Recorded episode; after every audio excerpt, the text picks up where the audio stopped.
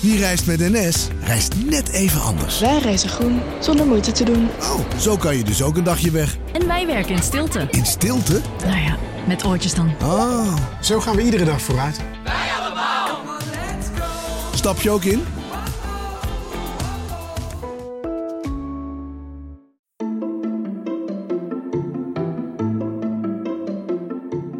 Welkom.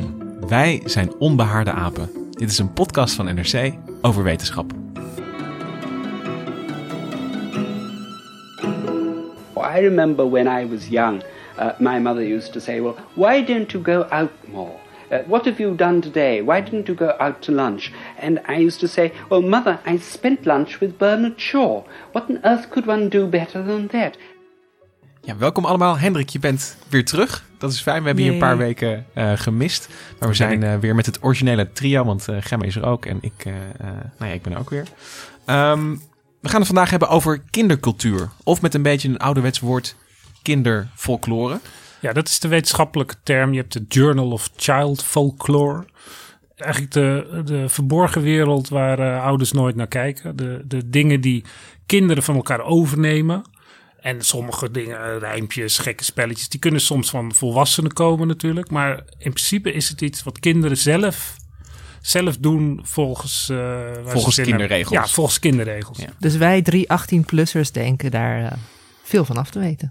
Ja, ik was wel benieuwd waarom je dit eerste fragment hoorde. Ja, dit is dus een, een heel ingewikkeld eerste fragment, omdat dit gaat over de jeugd van Peter Opie. En Peter Opie is samen met zijn vrouw Jona Opie een van de grondleggers van de moderne studie van kindercultuur. En het is zo grappig, omdat hij eigenlijk vertelt dat hij thuis nooit buiten ging spelen, maar altijd gewoon binnen zat Bernard Shaw te lezen. Oh, Het, hij speelde zelf helemaal niet eh, Nee. van die Oh, spelletjes ik dacht dat dat zijn vriendje was, maar dat was een of andere intellectuele Nee, schrijver. Bernard Shaw is een, een beroemde schrijver. begint er uit, iets te eh, dagen, ja. uit het begin van de 20e eeuw. Heel scherpzinnig. En eh, dus dat heel intellectueel.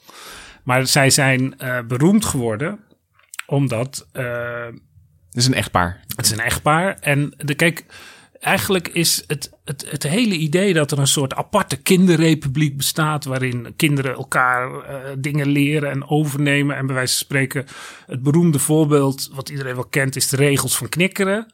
Dat leer je nooit van je ouders, maar dat leer je van de oudere kinderen. Dus in theorie is dat in 1500 bedacht. En geeft iedere kind dat aan de volgende generatie kinderen door. En er is geen volwassene die het ooit aanraakt. Ja, gespikkelde knikker is meer waard dan een blutje. Een reuze reuze is beter dan een bonk. Nou, wij deden dat heel anders hoor. Nou ja, het- Toch volgens een beetje mij- streekgebonden. Ja. Ja, want, want in Brabant hadden we het vooral over kattenogen en, en turtelknikkers en eh, eh, dat soort dingen. Dus, dus zit- Kale bassen, keizers, eetjes, olie, bonk, knots, superknots, bam, reuzenbam, Ja, reuze, jij moet het voorlezen. Zo oud ben je al dat je het niet meer uit je hoofd weet, Hendrik. Ja. Clown, mammoet, supermeg, looiedet, rood-wit blauwtje, komeet, turtle, dubbeldekker, presto, smurf, panda. Ja, maar die Allemaal turtles en de knikkernamen. smurfen bestonden echt in 1500 nog niet. Dat weet ik wel Maar. Zeg maar de studie van dat je dus bekijkt van, ja, wat, wat, wat doen die kinderen nou onderling?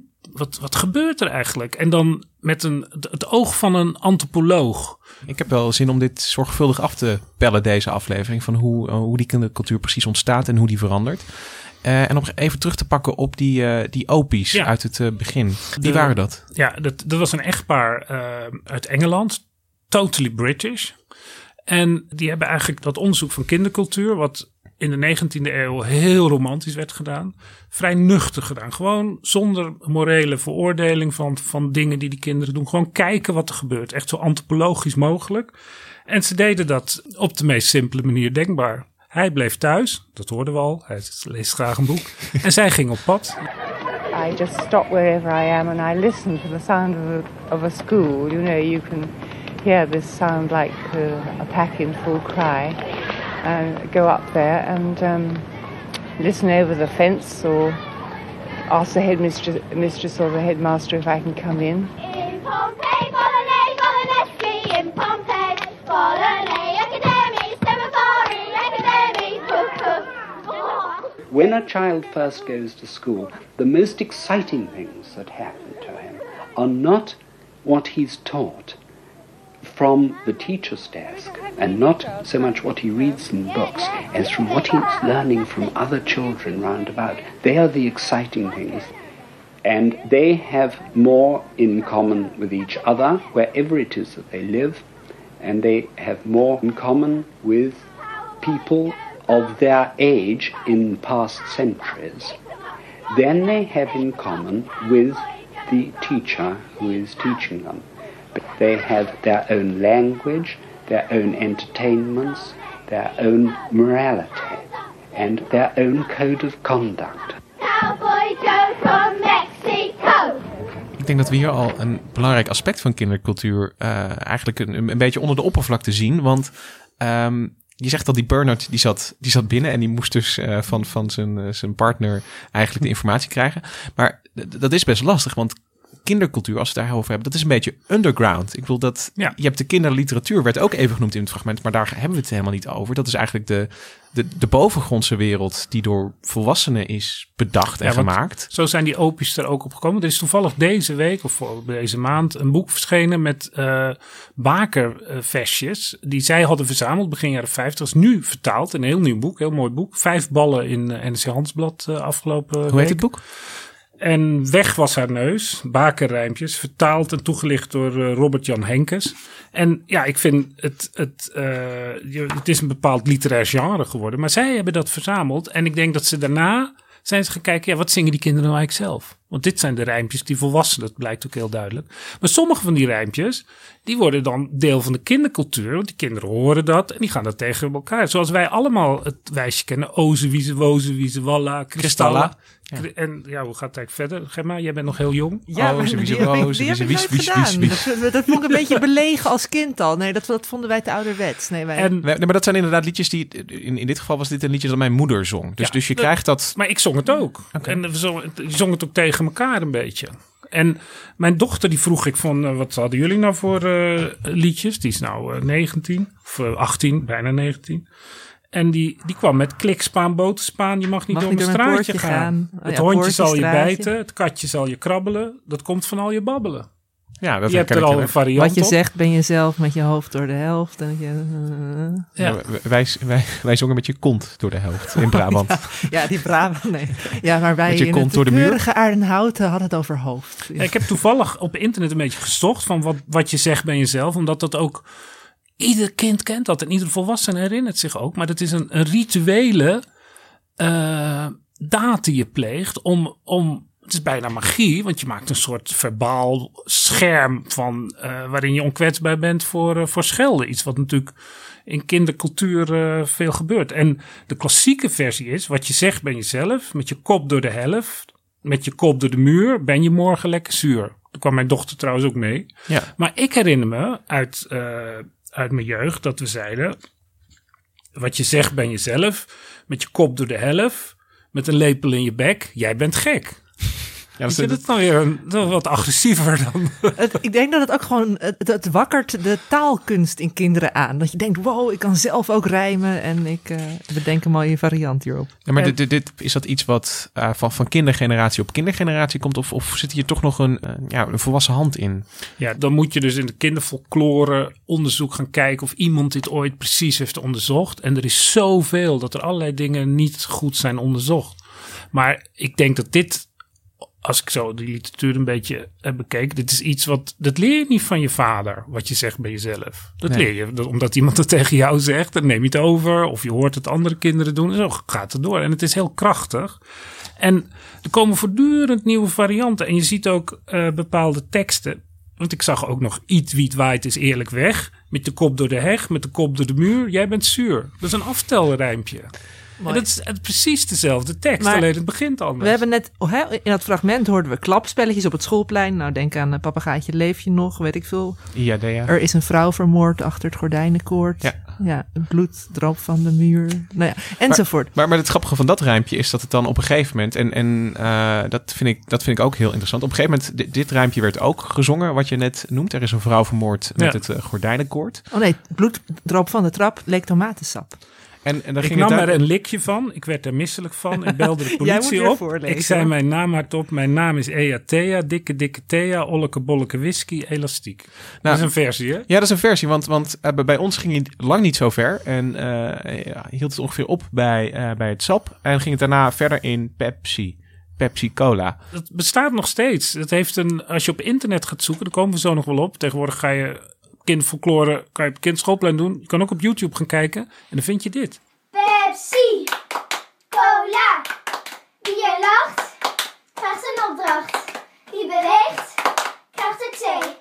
Pepsi, cola, luid met prik. En de tijd gaat nu in 10, 9, 8, 7, 6, 5, 4, 3, 2, 1, 0.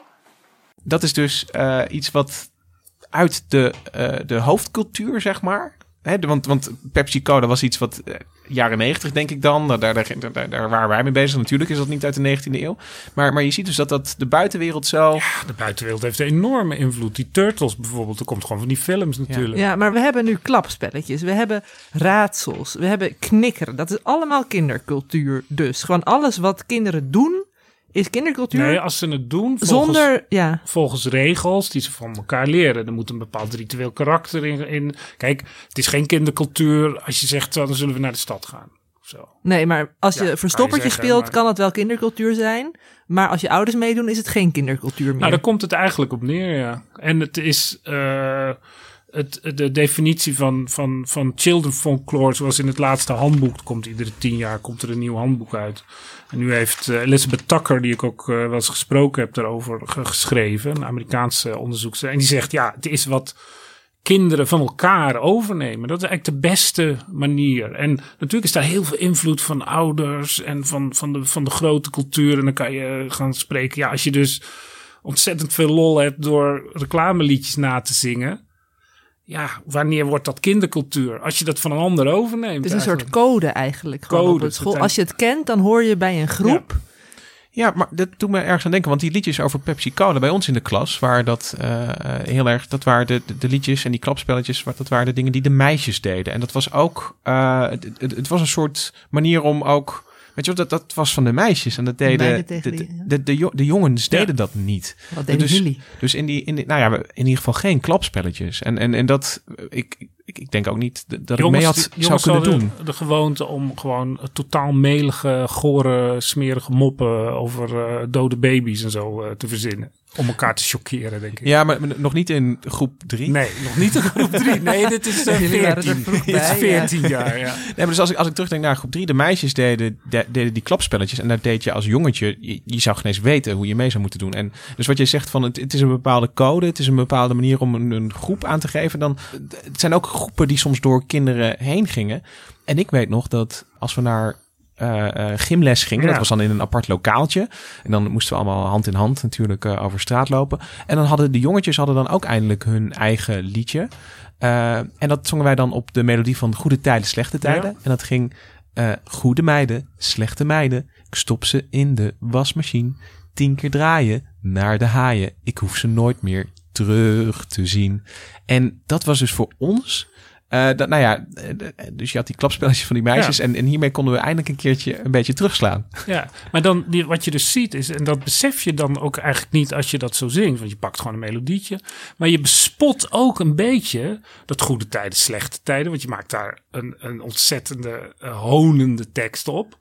En daarmee bespot je ook eigenlijk dat programma waar jullie waarschijnlijk ook vaak naar keken, of daar had je vaag een idee Ja, van. je had er vaak een idee van. Want, want sommige kinderen mochten er wel naar kijken. En andere kinderen mochten er niet naar kijken. Want het was natuurlijk... eh, Ja, en het, het, het ging over... Ja, het eh, ging over moeilijke dingen. Het ging over volwassen problemen. Dus en, je, en, je en bespotte de volwassen problemen eigenlijk. Nou, nee, nee, maar het, het- het Goede Tijden, Slechte Tijden was dus ook iets spannends een beetje. Het, het was ook een manier om dat, dat, Ja. die, die, die spannende serie je een beetje eigen te maken. Want wij waren toen denk ik negen of, of Ja. tien of zo. Toen, toen die serie eh, En ik was. vind die, ik stop ze in de wasmachine. Ik herinner me reclame die eh, alles wat je ziet, hup, in de, in de ziet. Dat zit ook een bepaald beeld van, eh, dat neem je dan ook weer over. Dus het is ook een spel met de volwassen cultuur wat je allemaal krijgt. En daar brouw je dan je eigen dingetje van. Ja.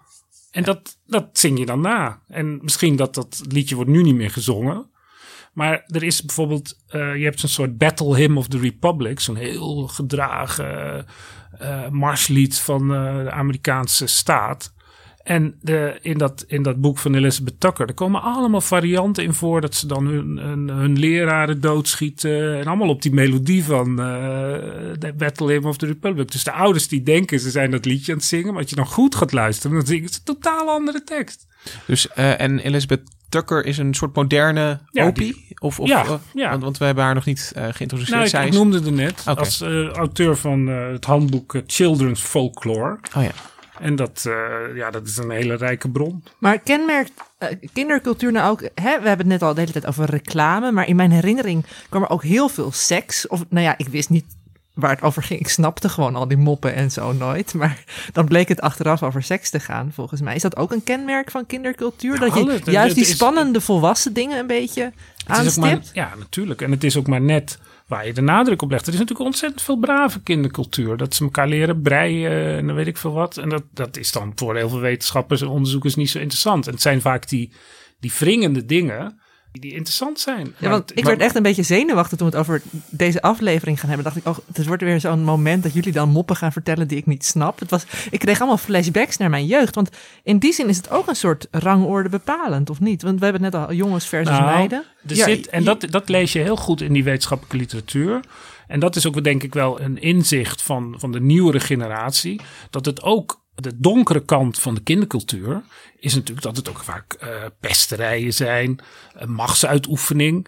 En eh, het is ook heel interessant om daar op die manier naar te kijken. Want zoiets onschuldigs als raadsels opgeven, dan kan het dus zijn dat een, een meisje van tien met, met jongens van, van 14 eromheen, ik zeg maar wat, op een feestje of zo, of een verjaardag ergens, die is dan ineens de baas, want die kent de meeste raadsels. en mag die jongens die moeten raden wat zij vindt en zij is dan de baas. Maar als ze dan bijvoorbeeld een, een raadsel slecht vertelt, wordt ze onmiddellijk uitgelachen natuurlijk. Dus het is ook een heel spannend... Maar mag ik hier een voorbeeld geven van waar deze twee dingen samenkomen die je net benoemde? Bij ons op het schoolplein, ik denk dat het in, in groep 4 was, ging op een gegeven moment. En eh, dat, misschien hadden we van tevoren van deze aflevering een waarschuwing eh, moeten plaatsen voor eh, harde woorden. Want kindertaal kan soms hard zijn. Keihard. Maar bij ons was de, werd op een gegeven moment, ging het een week lang, was, was de vraag die we allemaal aan elkaar stelden. Ben jij een kutkind of een keizerkind? Werd er gevraagd. Ja. En eh, nou, Geef maar de antwoord. Geef maar antwoord. En eh, eh, het ging erover of je geboren was op de normale manier of Ja. via een keizersnee. Dus eigenlijk was het goede antwoord, normaal, was dat je zei van, ha, als je het door had, moest je zeggen, ik ben een kutkind. En dan, dat was Ja. goed. Maar ik ben dus geboren met een keizersnee. Dus ik voelde me daar ook heel ongemakkelijk Ja. Bij. En Ja. eh, Want daar... als je een keizerkind zou zeggen, dan zou het lijken alsof je het raadsel niet snapte.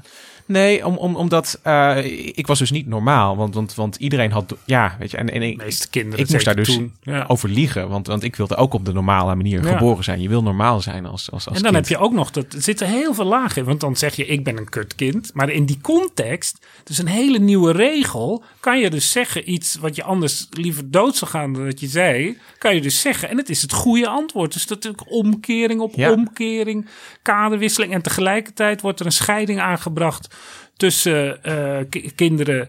Bijvoorbeeld kinderen, als iemand, iemand waar jij een beetje een hekel aan heeft, jou die vraag stelt, dan komt er ook een enorme spanning in. Is het Zeker. je beste vriend die die vraag stelt, dan is het alweer veel veiliger. Ja. Want die zal jou nooit ineens gaan joelen, eh, dit is een keizerkind. Ja. Nee, dat wordt dan een beetje eh, stilgehouden. Maar ik vond het ook Dus wel er grappig. zitten heel veel lagen En het in. was ook iets waar, waar ik niet met mijn ouders over durfde te praten. weten Absoluut er niet. Nou, Nee. Lucas, om je gerust te stellen, ik ben ook een keizerkind. Echt Dus, waar? ja. Zitten hier twee keizerkindjes aan tafel? ik, eh, ik laat me niet in het openbaar eh, over deze dingen uit. Maar wat ik wel grappig vond, Hendrik, jij zei net ook van ja, het gaat er ook om hoe je zo'n vraag stelt of hoe je een mop vertelt. Want net voor de uitzending, toen dacht ik even, oh, ik maak een goede sier. Wat was het nou? Knip me niet en knijp me niet, die zaten in een bootje. Knip me niet, die viel eruit. Wie blijft er dan nog over? Maar nu zeg ik hem alweer verkeerd. Ja, merk ik, ja. En toen zei Hendrik, maar dat zei je buiten de microfoon. Zei je, oh ja, jij bent natuurlijk zo iemand die dat altijd verkeerd eh, vertelde. En er zit wel een waardeoordeel in over hoe ik als kind. En, en, maar het was, het was precies. Ik snapte moppen nooit. Ik, er was maar één mop die ik kende en kon vertellen over het konijntje met het uh, worteltjestaart. En de rest had het allemaal over. En dan ging ik naar de speeltuin en dan ging ik wippen. En dat vond iedereen dan heel grappig. Nou, ik snapte echt niet waarom dat grappig was. Maar het, het, het, wat, wat je nu net vertelt, en eh, ik bied ook nog, ik heb hem toen ook verontschuldigd natuurlijk. maar wat je dus heel erg ziet, is, dit was natuurlijk ook vanuit een soort terug naar die kindertijd. En dan deed je dat ook heel, heel hard. En als volwassene demp je dat dan allemaal in. Maar tegelijkertijd is het een heel goed voorbeeld van hoe ik dan eigenlijk mijn eigen angst dat ook om een mop te verkeerd te vertellen, gelijk op jou afreageer. Want er is natuurlijk niks, als je daarmee bezig bent, is niks vervelender dan dat je mop gaat vertellen en je raakt zo halverwege mee in de knoop. En als je dan dus iemand anders dat kan opplakken, dan, dan ja, dat is ook een omgang met je eigen angsten. Dus het interessante van dit hele wetenschapsgebied, wat eigenlijk een heel klein gebiedje is, weet je, je hebt een paar tijdschriften, je hebt die Opus, je hebt dan uh, nog een paar andere beroemde onderzoekers. En dat is het dan wel zo'n beetje. Het is heel erg inventariserend, heel erg waar mensen toevallig net zelf zin in hebben. Die, die, uh, die Elizabeth Tucker die heeft een, een enorm onderzoeksgebied op, op YouTube is ze begonnen met allemaal enge spelletjes die kinderen doen. En hoe ze daar dan op reageren, hoe ze daar dan omgaan. Wat het verschil is met wat de ouders denken dat er gebeurt. Is het ook een beetje corporaal? Dus ik kan me voorstellen dat er ook in de studentenvereniging al die culturen spelen van dat de oudere jaars dan eindelijk de jongeren hebben om een beetje naar beneden te duwen. En dat het ook weer de onderlinge saamhorigheid vergroot als je een soort code hebt, een soort spelletjes uh, die je samen doet of samen doorstaat. Het, het, het, zijn een beetje experimenten met, met macht, lijken het. Ja, maar dan wat jij nu noemt zijn een soort menselijke uh, drijfveren. En algemeen psychologische principes. En die spelen natuurlijk ook in studentenhuizen en die zie je ook bij kinderen terug. He, dat, zeg maar machtsuitoefening hoor je erbij, hoor je er niet. Maar die processen zelf zijn als zodanig niet geen kindercultuur. Dat zijn gewoon algemene psychologische processen. En dan kom je op het, op het grote verschil tussen, laten we zeggen, dit inventariserende onderzoek van wat gebeurt er nu eigenlijk echt en de grote psychologie, die, die zeg maar uh, wetten van de menselijke psyche formuleert, of ontwikkelingspsychologie. Als een kind vijf is, dan gaat het uh, meer naar buiten gekeerd, probeert het vrienden te maken, heeft een ander soort vriendschappen dan wanneer ze negen zijn. En dat zijn allemaal van die regels, die worden door experimenten en al observaties genoemd. En dan is het eigenlijk klaar. Wat die kinderen vervolgens voor spelletjes met die uh, vriendjes doen, wat er feitelijk gebeurt, is voor de psychologie niet zo interessant. Tenzij het totaal uit de hand loopt en ze gaan elkaar de hersens inslaan, bij wijze van spreken. Ja, maar dat is. Ik, ik, denk, ik, ik ben dat steeds op zoek naar het doel van die. Maar misschien is er geen doel. Misschien wat jij beschrijft is meer van hè, wat er wordt geobserveerd. Wat is kindercultuur? Maar gaat het te ver om te zeggen: kinderen doen dit omdat? Puntje, puntje, puntje. Nou, wat je ziet is dat, en dat is, het, dat is wat de moderne kinderfolklore heeft veel meer invloed van die psychologie. En daar wordt natuurlijk wel naar gekeken van, is de, wat, dat, maar dat is eigenlijk, eerst ga je inventariseren en dan ga je het proberen te begrijpen. En wat bijvoorbeeld, uh, kijk, die machtsuitoefening is interessant, omdat het vaak ook breekt met het beeld van het onschuldige kind, die zo fijn aan het spelen zijn. Een beetje dat romantische idee. Dat het, het is ook een soort jungle natuurlijk, die, die kindertijd. Als ik dat zo van, van wat Gemma net beschrijft en wat ik beschrijf, dat is inderdaad, dat, dat is die wilde kant. En ik snap die vraag van, van Gemma wel. Komt dit vakgebied dus ook uh, inderdaad verder dan een bundel kinderrijmpjes, zeg ja, maar? Ja, en ik, de, nu, nu kan ik... Uh, ik kom nog terug, mensen, op Johan Huizinga. Maar nu noem ik even een, een andere uh, belangrijke figuur, Brian Sutton Smith. En die spreekt daarover op een lezing. Uh, there's a whole literature there. In fact, I, I, I, I, now argue that the very earliest forms of children's play, the stories of two year olds are full of disaster. You say to yourself, goodness grief, what's going on?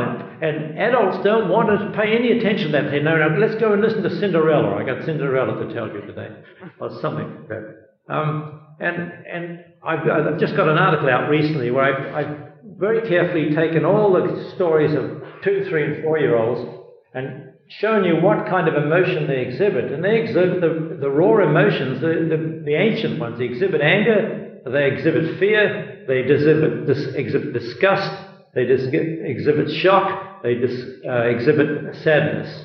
A hundred years, a hundred years, the therapists have been taking, saying emotion, there are emotional dissonances at the basis of play, and that play can cure them. So when the children are doing these things, they're curing themselves of the, of the hypocrisies of the adult world in which they live.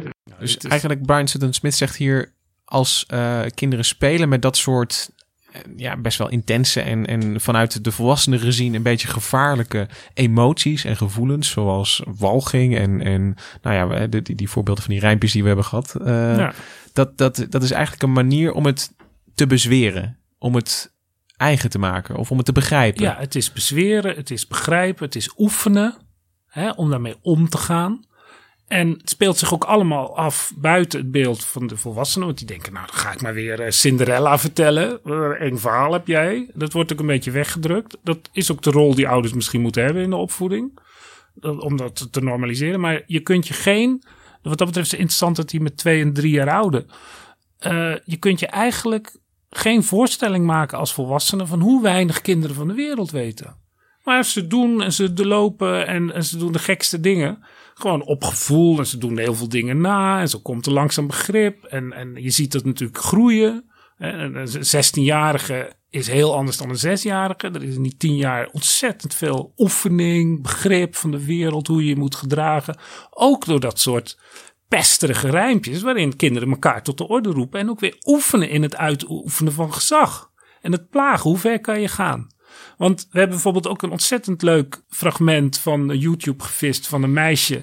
Die dus zeg maar, ja, ik denk dat ze zeven is of zo. Die staat dan een ander te dissen met een rijmpje. Stop, je bent een Barbiepop. Arrogant, irritant, keer terug naar Barbieland. Oh, blijf jij tegen mij te babbelen. Loser nerd, afgekeurd. Check maar haar, de deur is daar. De deur is daar. Hier, dit, je, ik zou ontzettend graag willen weten, zou zo'n meisje dat ook in het echt doen? Nu doet ze het voor een, eh, misschien is het, ik heb geen idee wie dit opgenomen heeft. Het is bij een feestje zo te horen. En eh, zou ze dat hele rijmpje afrollen tegen iemand die ze, waar ze ruzie mee heeft? Ik denk het wel. Ja, Het, ik, ik en wat een kracht gaat daar dan vanuit als je dat ook precies goed doet. Ja. Met dat gebaar, met, dat zie je natuurlijk niet eh, op de podcast, maar dat zo van eh, check mijn haar. En dan gaat die hand zo door het haar. De deur is daar. Dat moet precies goed zijn. Als je het precies goed doet, dan staat de ander met zijn mond vol tanden. Die moet dan ook een gek rijmpje bedenken. En dat lukt natuurlijk niet. Niet ter plekke. Kunnen het een keer op de redactie gaan invoeren? Lijkt me wel interessant. Maar je, het is ook, als je dus de rijkheid van dit, de, de, dit is dus een kind wat terugslaat in het rijmpje dan, hè? Niet terwijl ze het doet, want het staat gewoon leuk dat rijmpje te doen. Maar je bent een Barbiepop, arrogant, irritant, keer terug naar Barbieland. Ook blijf jij tegen mij babbelen. Dan heb je dat babbelen weer met dat krabbelen. Dat zit ook weer in die oude rijmpjes. Dat heeft ze daar ook weer uitgevist. Of iemand van wie ze dat dan heeft overgenomen. En dan loser nerd, afgekeurd. Dat heb ik ook gehoord. Dat wordt ook los gebruikt. Loser nerd, afgekeurd. Gewoon als een los fragment. Ja, als van- een losse dreun die je dan eh, die- die iemand er anders tussen zijn ogen geeft. Maar het, het, het gaat ook, eh, eh, het gaat ook over arrogantie. Nou, dat, dat is iets wat, wat eigenlijk in kinderlevens, van, zeker van zeven, ik, ik bedoel, dat, dat speelt nog helemaal niet. Dat Nee. speelt hooguit op de middelbare school. Dat je Ja. daar eh, eh, echt... Ja, dat je echt- weet wat het woord betekent Ja, en, en, en dat je je eraan gaat storen of dat je het juist eh, gaat vertonen. Nou, ik weet het niet. Want ik denk dat... eh, In het leven van zevenjarigen al? Ja, nou ja. Maar in ieder geval, ze oefenen ermee. Ja, dat, dat, dat bedoel ik. Van, ik van denk het, dat ze weet wat het betekent. Of ze het helemaal ten diepste begrijpt, dat betwijfel ik. Maar Ik, kijk, voor het leven van zevenjarigen is, is arrogantie is, is nog. Dat, wat, wat ik zeg is, is dat het op de middelbare school wordt dat acuter. Dan, dan, dan, oh, dan, dan wordt er ook echt geroddeld van. Oh, zij, zij of hij, dat is echt een arrogante kwast. Eh, dat gebeurt in groep 4 nog niet Ja. heel erg. Maar wat jij zegt over dat oefenen ermee, met, met dat soort volwassen grote eh, thema's en, en, en gevoelens, dat zie je hier wel in terug volgens Ja. mij. En dat vind ik wel interessant over die grote emoties die je net benoemt, Lucas. Want we hebben het net al even gehad over spannende dingen zoals seks. Maar is het ook een beetje eh, het, het gevaar verkennen? Is het, is, is- ik bedoel, zit er ook nog een soort ondertoon van... Je, je noemde net die Brian Sutton Smith, die heeft het over angst. Zit er ook veel angst in kindercultuur? Ja, maar er zit, er moet even de, de goede, het allemaal een beetje op zijn plek zetten. Want eh, kindercultuur is dus alles wat kinderen van elkaar leren en, en doen. Van aftelrijmpjes tot, tot, tot eh, verdedigen tegen schelden, tot, tot gekke grapjes, eh, vreemde raadsels. Dat is wat kindercultuur is. Maar daar zit natuurlijk een traditie in van bravigheid. Wat je bij die opies al een beetje wat minder had. En nu, als een soort tegenwicht tegen die onschuldige kindercultuur, wordt ook heel veel nadruk gelegd op, op, op die donkere kant. Als je dus even het grote patroon ziet, is, is dat, uh, nou ja, het begint ergens, eind 19e eeuw. Ja. Dan, dan, dan gaan we het schoolplein op en dan raadseltjes en versjes en uh, spelletjes. En lief worden, en knus en gezellig, ja. En, en, is, en dit is fase 3 in het onderzoek naar kindercultuur. Ja, dat, dus waar, waarbij iets er ook... te simpel, maar grofweg komt het daar wel op neer. Oké, ja. ja. En dan Elizabeth Tucker, die hebben we al een paar keer genoemd. Die uh, vertelde ook heel erg over haar eigen onderzoek naar al die enge dingen. En er is bijvoorbeeld, uh, misschien kennen jullie dat, misschien kennen jullie het niet, dat je s'nachts voor de spiegel gaat staan en dan tien keer Bloody Mary zegt. En dan verschijnt ze. Ik ken het uit Amerikaanse high school films, Ja. uh, ken ik het een beetje. Dat dit een, een dingetje is. Een soort bijgeloofachtige spelletjes. Ja. Of, ja. Dus die magie, je kan ook geesten oproepen en zo. Ja, geesten met zo'n uh, met uh, zo'n zo'n Ouija-board. Ja. Dat Ja. je met die letters Ja. en dat, dat je dan met de geesten kan gaan praten. Maar ik kan je verzekeren, Bloody Mary wordt ook in Nederland uh, s'nachts opgeroepen door kinderen die willen spelen met het gevaar. En er zijn ook heel veel YouTube-filmpjes over. En dat bestudeert uh, Elizabeth Tucker ook. Dat is heel interessant. En we hebben hier een heel mooi exemplaar van, ja, wat oudere kinderen zijn het. Die spelen dat. En dat begint dan dat ze uh, Bloody Mary in de spiegel, in het s'nachts, in het donker gaan oproepen. Okay, so light my candles.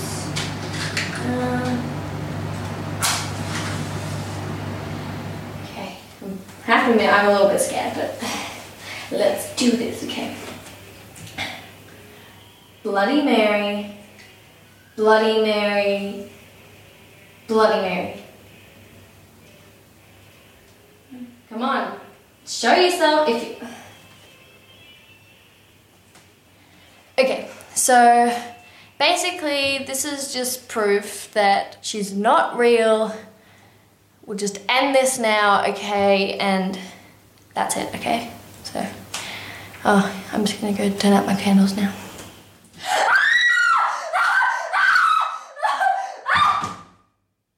Je had ons wel even mogen waarschuwen. Ja, ik schrik me dood. Maar dit is, dit is zo mooi, want hier zie je dus wat Elizabeth Tucker heel erg eh, beschrijft. Het verhaal gaat nog verder. Het filmpje gaat nog Het verder. filmpje gaat nog verder, laten we het daar een stokje horen. Eh, er wordt enorm gespeeld met dat verhaal, met die angsten. Dus dit filmpje begint, nou, we gaan even vertellen dat het allemaal niet waar is. Is het toch waar? Of toch niet? Okay. Um, are you okay? no, I'm just really depressed that Heidi's dead. So. What the fuck? Got you, YouTube. Help you sleep at night. Hope you sleep at night. Ja, dit, is- dit is dus de dubbele omkering eigenlijk. Dubbele omkering. En ook heel, heel erg spelen met... eh, die, heel veel van die filmpjes zijn ook net een televisieprogramma. En dan val- dit zijn wat oudere kinderen, die kunnen dat vrij goed. Jongere kinderen vallen voortdurend uit hun rol. Dus zeggen, oh, moest ik nou ook weer zeggen? Oh ja. Dan gaan ze weer verder. En dan, ze leren ook heel erg met framing. Binnen het verhaal, buiten het verhaal. eh, omkering van het verhaal. En heel veel ouders hebben geen idee. En, maar die kinderen, die, het is ook spelen daarmee. Ze, ze, ze spelen dat ze zijn waar ze bang voor zijn. Playing the bogey noemde Elizabeth Tucker dat ook. En eh, dat is, En het is- kun je dat even wat, wat, wat Ja, dat je dus, eh, er is ook een, een wat theoretischer gehalte in die kinderfolklore. Dat, je, dat ze zeggen van ja, het is niet echt een theorie, het is meer een beschrijving van wat er gebeurt. Dat ze dus uit, je gaat het verhaal wat je kent, een eng verhaal, ga je uitbeelden. Zoals fans van Star Trek, die gaan op een gegeven moment zo in dat verhaal mee, dat ze zelf die uniformen gaan aandoen. Maar wordt het dan ook minder eng doordat je het uitbeeldt eigenlijk? Ja, zo, dat is je het gewoon het idee, want dan dat heb je je toe-eigent. Ja, dat je juist de dingen waar je geen controle... Nou, dat is precies over waarom mensen niet onder ladders durven eh, door te lopen. Weet je, allemaal het idee, als je bijgelovig bent, dan denk je van... oh, ik kan de wereld eh, een beetje controleren door bepaalde dingen juist niet of juist wel te doen. En dat is... Ja, maar dit is nog drie niveaus verder, hè? ook bij die kinderen. Ja. Ze gaan dus doen alsof ze onder een ladder doorlopen. Of ze Ze, ze lopen onder de ladder door en doen dan alsof ze dood neervallen. Ja. En dat zijn allemaal voor de beetje grap. grenzen opzoeken. Ja, en, dus ja. het is spelen met magisch bijgeloof. Het is geen gelo- bijgeloof. Dus die kinderen die, die Ja. ik herinner me dat zelf ook nog wel als je dat soort enge spelletjes deed. Je gelooft er half wel in dat je geest oproept en half ook niet. En dat doe je dan met, met, met andere kinderen en dan, dan, dan wissel je dat uit. En het is het verkennen van een gebied wat nog niet bekend is. En kinderen komen op de wereld en die moeten alles nog leren. Nee, maar ik bedoel, ik weet zeker dat het, eh, het hart van die kinderen die, die voor de spiegel staan, gaat zeker sneller kloppen. Ook Absoluut. al weten ze ergens wel van, eh, dit is niet echt en, er, en geesten bestaan niet, want dat heb ik van mijn ouders gehoord Ja. en, en dat, dat weet ik ook. Maar toch is het heel erg spannend Ja. op het moment dat je voor die spiegel Ja, staat. en als ze dan pech hebben, dan hebben ze een broertje die dan eh, s- een Slenderman pop op hun hoofd gooit. Slenderman? Dat, dat is een, een, een eh, dat is heel groot en het is ook een film van gemaakt nu inmiddels. Dus het is echt een, een meme van internet. Het is ook in 2009 bedacht door een reclameman, geloof ik. Het is een groot pop met een, een hoofd zonder gezicht, een, een, een reus eigenlijk. En die, het is echt de, de rattenvanger van Hamelen all over again. Die steelt kinderen. En die probeert kinderen in de kinderlokker eigenlijk. Waar, waar alle kinderen bang voor zijn. En ook bang voor worden gemaakt natuurlijk. En dat is een bepaald genre geworden. Dat, eh, en daar heeft eh, Elizabeth Tucker ook een studie van gemaakt. Nou, al die filmpjes over Slenderman en ook de Blue Whale Challenge. Wat nog veel enger is. En dan ziet ze ook dat kinderen spelen met dat gevaar. Die doen dan net of Slenderman echt is. En dan maken ze een heel gek filmpje. En als je goed kijkt, dan zie je dat ze zich kapot lachen terwijl ze die film aan het maken zijn. Maar soms is het ook best eng. En dan staan er in de commentaren, want dat, die Elizabeth Tucker zit alleen nog maar voor de, voor de computer, zei ze. Opie die ging lekker naar buiten. Maar zij kijkt de hele wereld. Ze onderzoekt ook hoe het in India gaat en zo. Want daar is die Blue Whale weer heel belangrijk. En dan zie je dus dat allemaal dingen waar ouders heel bang voor zijn. Oh, mijn kind doen hele enge dingen. Daar spelen die kinderen zelf ook mee om dat gevaar te bezweren. Ook in de commentaren. En er is bijna een soort protocol. Wat ze een beetje gereconstrueerd heeft. Het wordt natuurlijk voortdurend verstoord.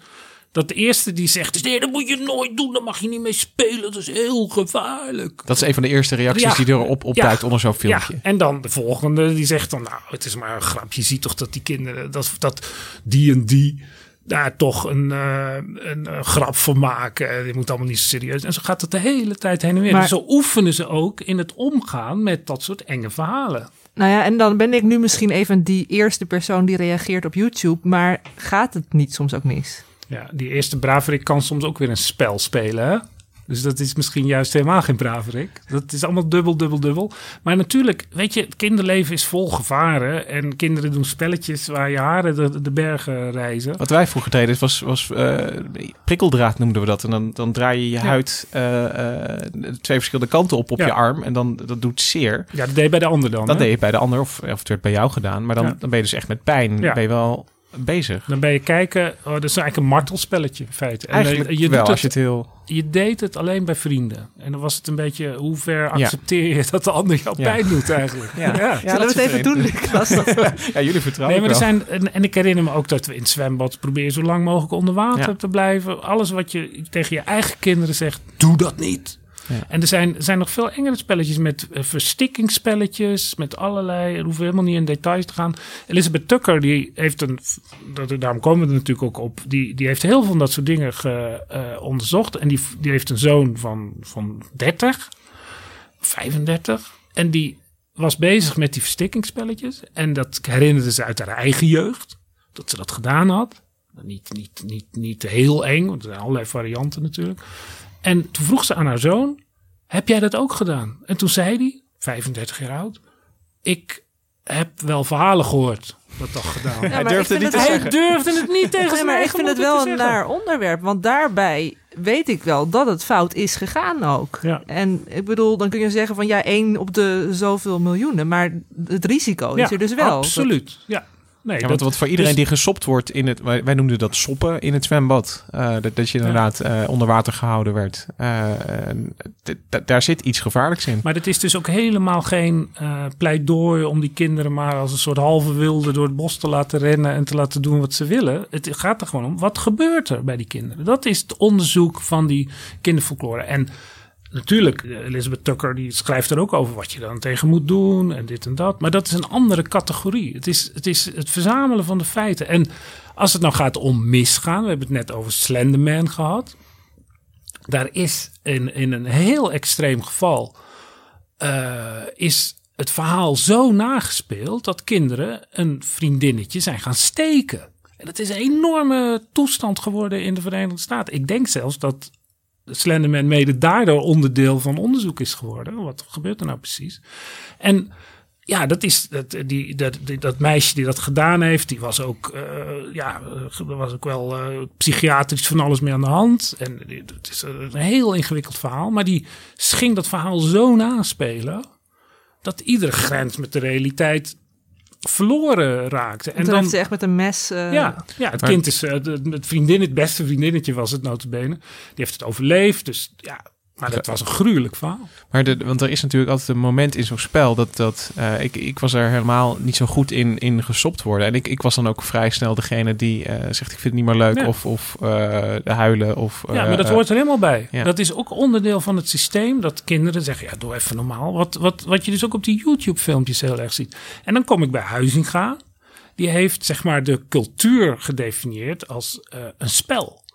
En Jo- wat- even voor de Johan. Huizinga is een van de eh, Die oude- eh, oude historicus. Hij is volgens mij in 1945 overleden. Hij heeft een paar beroemde boeken geschreven over de middeleeuwen.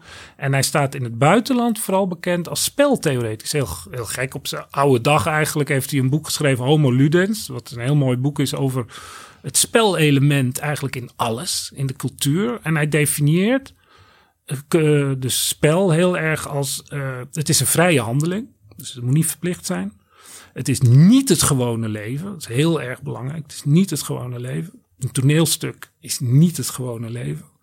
Het moet betekenis geven. En heel belangrijk, het moet regels hebben waar iedereen het ongeveer over eens is. Op een aparte plek, een afgesloten ruimte, een voetbalspel. Dat is zeg maar het ultieme spel eigenlijk. Duidelijke regels, duidelijke grenzen.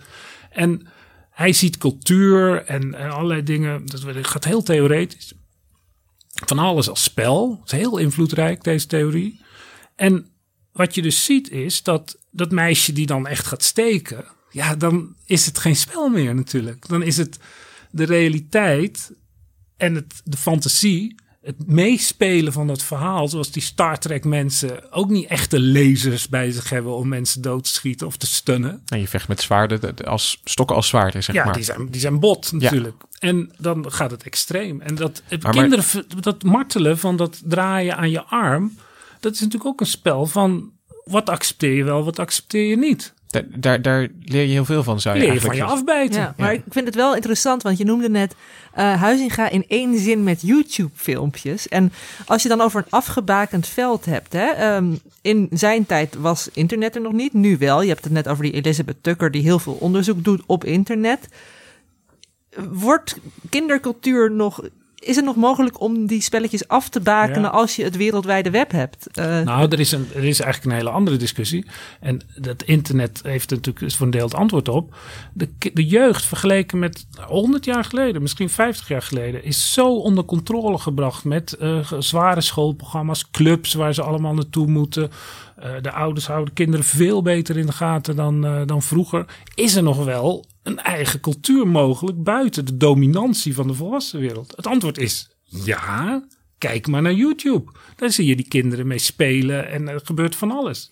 En wat er dus nu anders is, is dat als er in India een goede grap wordt bedacht met Slenderman, dan is die binnen, een- binnen twee weken kan die in Amerika of in eh, Dubbeldam eh, aan de Merwede zijn. De globalisering van de kindercultuur, zou je Ja. kunnen zeggen. En dan zie je dus ook grote stromingen, die, die grote memes, die eh Mag ik dan nog een- klikspaan, klikspaan, Ik- vert Mag ik dan nog een gewetensvraag stellen? Want als, als, als de kinderwereld zo... eh, nou ja, je noemt het al een verborgen wereld. En het is ook belangrijk voor kinderen dat ze iets eigens hebben. Is, is de, die kinderfolkloristen, die kindercultuuronderzoekers... die brengen het allemaal eigenlijk boven water. Is, is het ook niet iets waarvan we eigenlijk gewoon zouden moeten zeggen van... eh, laat, dit, eh, laat dit nou alsjeblieft voor, voor de kinderen zijn. En eh, ga, ga je daar als volwassene niet mee bemoeien. Ja, maar bijvoorbeeld zo'n Slenderman-onderzoek heeft ook een hele grote functie. Omdat er enorme morele paniek was. Waarbij in feite iedereen die met een Slenderman-pop in de gang kreeg al een potentiële moordenaar werd. Als je ziet hoe dat in de praktijk werkt, dan, dan zie je dat, dat er een enorme correctie zit op, op doe even normaal en eh, niet zo eng. Of juist wel, nog enger, nog eng. Nee, nee, nee. Ja, maar ik, ik vind het wel interessant wat Lucas zegt. Hè? Want, eh, nou ja, goed, we- het is nu Halloween, dus al het griezel, er is ook genoeg gereguleerd gegriezel. Maar moeten we niet gewoon een deel voor de kinderen laten en zeggen handen af van kindercultuuronderzoek? Nou, ik denk dat de triviality barrier zo sterk is dat, dat dit, dit gebod is niet nodig. Wat is dat? De triviality Nou, dat is wat Sutton Smith eh, noemt. Volwassenen vinden die kindercultuur zo kinderachtig en zo flauw. En ik heb dat zelf ook. Ik heb dus naar een aantal van die filmpjes zitten kijken. En ik weet zeker, als ik daar vorig jaar, voordat ik me hierin verdiept had, naar gekeken had, ik wat een flauwekul zeg. Maar nu zie ik allemaal patronen, protocollen. Eh, regeltjes die toegepast worden en die dan worden afgewezen door het andere kind. Kun je ons En- even meenemen in ja, zo'n, een, eh, een van de allerleukste filmpje? filmpjes gaat over twee broertjes die een soort televisieprogrammaatje maken, zogenaamd, op YouTube. Kijkt bijna niemand naar. En dan gaan ze elkaar raadseltjes opgeven. Of Liever gezegd, de oudere geeft het jongere kind, die een soort presentator is, het raadseltje op. Yo mensen, leuk dat jullie kijken naar een nieuwe video van mijn broer Iets.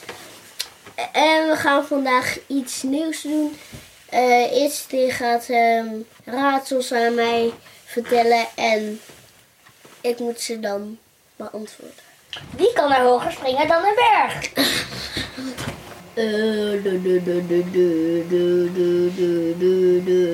Nee, ik weet niet. Hij is zo makkelijk. Hint. Mijn hint is... Is het een dier of is het een mens? Nee. Is het Eh, een plant? het is ehm, een logische. Ja, wat is het dan nog voor een? Het is, een logische. Ja, dan moet je dus, eh, nu denk je wel een flauwekul. Maar je ziet dus dat er een protocol is. Als die jongen het niet weet, mag hij zeggen hint. Ja, dat dan was, heeft eh, die jongen, Heeft aan één woord genoeg eigenlijk. die oudere broer, is verplicht om een hint te geven. Die kan het niet verzinnen. En dan denkt dat jongere broertje, die maakt een fout. Die gaat ineens een heel ander spelletje verzinnen. Is het een mens of wie kan er hoog springen dan berg? Kan je op zich zo proberen te beantwoorden. Maar Het is geen ja-nee spelletje, bedoel Nee. je? Ja. Dus die oudere broer, die negeert dat totaal. Die denkt, hou op. En die verzint dan ja, in alle haast een waardeloze hint. Het is een logische. Het is een logische. Be- Beter kon hij niet bedenken. En dan denkt dat andere jongetje, ja, de. En dan gaat de, de, de. Dat is kennelijk wat hij doet als hij het niet weet. Na, na, na, na. Dat ook een soort protocolletje. En ja, als dat één kind is die dat doet, is het geen kindercultuur natuurlijk. Als je nu al die raadselfilmpjes zou bekijken en je ziet allemaal ne, ne, ne, dan heb je een soort kindercultuur. ik snap hem nog steeds niet. Nee, het antwoord komt nu. Iedereen. Iedereen kan hoger springen dan een bergman. Een berg kan toch niet eens springen? dus ook al kom je een millimeter van de grond, heb je al gewonnen van een berg. Jongen, een berg is vet groot. Wat Ja, je? maar een berg kan toch niet springen? Of wel? Ja, maar alsnog, een berg is niet eh, lager dan een mens. Nee, maar zo. ik bedoel dat... Maar hier zie je dus, weet je, wat dan ingewikkeld speelt Ja. zich hier af. Dat oudere broertje, die lacht eigenlijk zijn broertje. Het- iedereen, dat snap je toch wel? En maar het jongetje geeft zich niet gewonnen. Hé hey, joh, gast. Mensen is toch niet groter dan een berg? Nou, en dan, dan moeten ze tot overeenstemming komen. En de jongen zegt, nou, misschien was hij ook te moeilijk, zegt hij geloof ik. En dan, hup, weer een nieuw raadsel. En zo bang, bang, bang, bang, gaat dat maar door. Ik snap ook wel heel goed wat je bedoelt met dat het op het eerste oog een beetje flauw is allemaal. Ja. Mag ik nog een leuke... Ik heb zelf een raadsel bedacht net. Het is oranje en het komt van de berg af. Maar kom maar door. Een, eh, Een. Oh, die nu is nog leuk. eentje. Het is groen en het komt van de berg af. Ja, Dat is een klassieker. dat is kiwi, toch? Een slawine. Ha, ha, ha. Kunnen we hier overheen, Hendrik? Of Nee, dit lijkt me het einde van onze uitzending. laten we het hierbij? Nou, eh, we hopen dat jullie net zo... Nou ja, als, je, als je nog een goed raadsel eh, hebt... Stuur voor ze ons, in. Stuur ze vooral in naar podcast. rubriek misschien. ja. Nou, ik weet het niet. Naar podcast.nrc.nl. Of als je een, een, een vraag voor ons hebt naar aanleiding van een van on- onze uitzendingen. Eh, abonneer je ook vooral in je favoriete podcast-app. Eh, schrijf je in voor onze nieuwsbrief Onbehaarde Apen. Die is er sinds kort ook. Eh, we willen Mirjam van Zuidam weer heel erg bedanken voor de montage. En volgende week zijn we er weer. Ja, het is wit van buiten en groen van binnen. Verteld? Een kiwi in de sneeuw. Kikker in de sneeuw. Broodje kikker. Een broodje kikker.